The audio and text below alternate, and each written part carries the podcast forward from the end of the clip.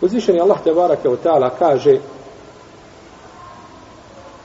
O izdaedzana rabbukum la in šekertum la jezidennekum wa la in kafartum inna azabi la šedid I kada je vaš gospodar objavio ako mi budete bili zahvalni ako mi šukur budete činili ja ću vam povećati vaše blagodati. A ako budete nezahvalni na mojim blagodatima pa u istinu moja kazna je žestoka pa u ovome ajetu uzvišeni Allah te barak je tala obavezuje vjernike da mu šta čine šukr i da mu zahvaljuju na njegovim blagodatima jer nijedna blagodat ne postoji, a da nije od Allaha za ođer. O in te uddu ni'met Allah, la tuhsuha, i da brojite Allahove blagodati, ne biste ih nikada pobrojali. Ajet kaže i da brojite Allahovu blagodat. Jednu blagodat uzmeš i da je brojiš. Šta ćeš brojati? No, međutim, da uzmeš jednu blagodat, da je zaista sagleda šta ona u sebi sadrži od blagodati, vidio bi da nikada ne možeš to, da to nikada ne možeš pobrojati. Bileži Ibnu Asakir u svojoj povijesti i Ibnu Džouzi u e, siri Omara ibn, e, Omara ibn Abdelaziza da je od e, Al-Fudajla ibn Iyada kaže ušao je Halid ibn Safvan kod Omara ibn Abdulaziza, petog pravednog halife pa je rekao o Halide daj me na kakav nasihat nasihati me nečim, savjetuj me. Pa je rekao, inna Allaha azza wa jel lem jarda ehaden en je kune feukake fela tarda en je kune ahadun eula bi šukri minke. Kaže, o Omara, a on je vladar muslimana, ili emirul mu'minin, vladar pravovjernik, kaže, o Omare, Allah nije odabrao nikoga da bude iza tebe. Znači ti si vladar muslimana, ti si prva knjih, pa kaže nemoj dozvoliti da iko bude preći od tebe da Allahu zahvaljuje. Da Allah zahvaljuje zato što te odabrao da budeš prvak muslimana. I bilježi Ibn bi dunja u svom djelu šukr i Ibnu Imam al-Bejhaqi i Ebu Nuaym i spominje u predaju Ibn Kajim u svom dijelu Udbetu Sabirin da su Al-Fudail ibn Iyad i Sufjan ibn Ujejne sjedili cijelo veče i prisjetali, prisjećali se Allahovi azzawajal blagodati. Obdario nas je tim i tim, obdario nas je tim i tim, cijelo veče, znači jedan je spomenuo jednu blagodat, a drugi drugu, i cijelo su veče imali šta? Šta da spomenu? Jer sigurno, ulema najbolje poznaje Allahove blagodati azzawajal. Stoga kada je jedan čovjek rekao Ibn Džauziju, kaže ja imam prijatelja neće da jede tu i tu hranu. Zato što je ta hrana, znači najukusnija hrana, pa se boji da neće moći zahvaliti Allahu te barake o teala na toj blagodati. Pa mu kaže ono Džauzi, reci svome prijatelju da je lud. Kaže, može li se on Allahu azzawajal zahvaliti na gutljaju hladne vode? Ti bez bilo kakve rane možeš. To nije sporno. Ali gutlja hladne vode, kako ćeš se zahvaliti? Zbog čega onda piješ hladnu vodu? Zbog čega piješ hladnu vodu? Pa je uzvišen Allah te barak je otala od nas tražio i traži da budemo mu zahvalni na njegovim blagodatima. A čovjek koji zna da ga je uzvišen Allah obdario nekom blagodaću, on mu se već na takav način zahvalio.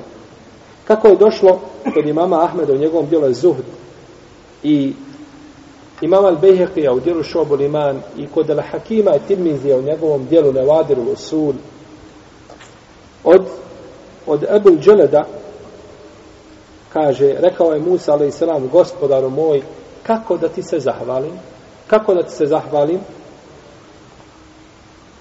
A najsitnija blagodat kojom si me obdario je veća od svih mojih dijela koja činim. Znači, najsitnija blagodat koju si mi dao je veća od svih dijela koji će ja činiti za svoga života. Kako onda da se zahvalim? Pa kažem uzvišeni Allah te barak je tada, o Musa, već si mi se zahvalio. Znači, znajući samo da su te blagodati od mene, to je sad Allah te barak je ti se već zahvalio. Jer čovjek se u osnovi braću nikada ne može zahvaliti Allaha za Kako bi se zahvalio na blagodati vida? Došlo je u hadisu, koga bilježi imam hakim u svome u neko koji ima slab lanac prenosilaca i ne spominjem ga kao dokaz, već samo zato što se navodi u tom dijelu, da je čovjek obožavao Allaha te barake od dala 600 godina na ostrvu. Dao mu je uzvišeni Allah drvo, nar, rumman, nar, da jede, i dao mu je izvor koliko prst, da izlazi iz kamena. Pa je jeo plodove i pio vodu. Nema žena, nema televizora, nema satelit, nema internet. Nema ništa zla, nema kina. I badet. Jede, pije, obožava i zahvaljuje. Pa kada je došao na sudnji dan, kaže uzvišeni Allah te barake od tala, uvedite moga roba u džennet mojom milošću. Kaže, ne, ne, gospodar, mojim dijelima.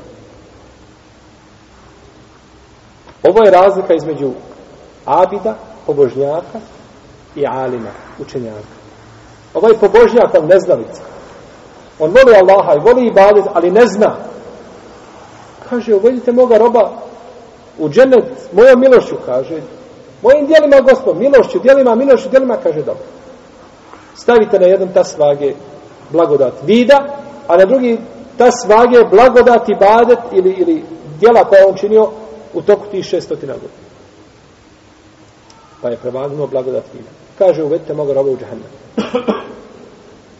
Kaže gospodaru, kad su ga mele, meleki ponijeli prema džahennemu, kaže gospodaru moj, tvojom milošću u džennet, tvojom Pa kaže robo moj, budi dobar rob. Ja kaže mojom milošću ti vičeš mojim dijelima. Kaže uvedite ga u džennet.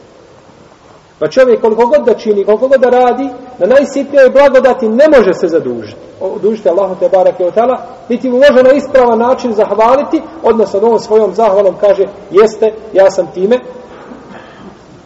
revanširao se ovome gospodaru. To je nemoguće. To je nemoguće. No, međutim, kada čovjek zna da je šta? Blagodat od Allaha i da je drugi niko ne može dati, to je već vid zahvale. To je već vid. Kao za čovjeka koji učini grije i kaže imam gospodara i ne može mi taj grijeh oprostiti nego on. Ili u drugom hadisu se kaže en nedemu teube. U hadisu koga bilježi ima Mahmed se kaže en nedemu teube. To kajanje u prsima, odnosno griža savjesti, nije kajanje u smislu pokajanja teobe, nego griža savjesti koju čovjek nosi u prsima, zbog učinjenog grijeha je samo po sebi teoba. Jer čovjek koji se ne boji Allaha za uđen, on uradi grijeh i nakon toga svejednom, i žao ono što još više nije uradio. Dok vjernik koji ovaj, uradi grije, vidi to kao brdo ili stijenu iznad glave koja hoće da mu se, da ga poklopi, znači, i da ga uništi. Pa dok osjeti, znači, grižu savjesti, to je već vid čega. Te obe, iako svakako ne treba da izostane te oba šta? Jezikom, da kaže stakfirullah, ili rabbi tuba aleje i tako dalje.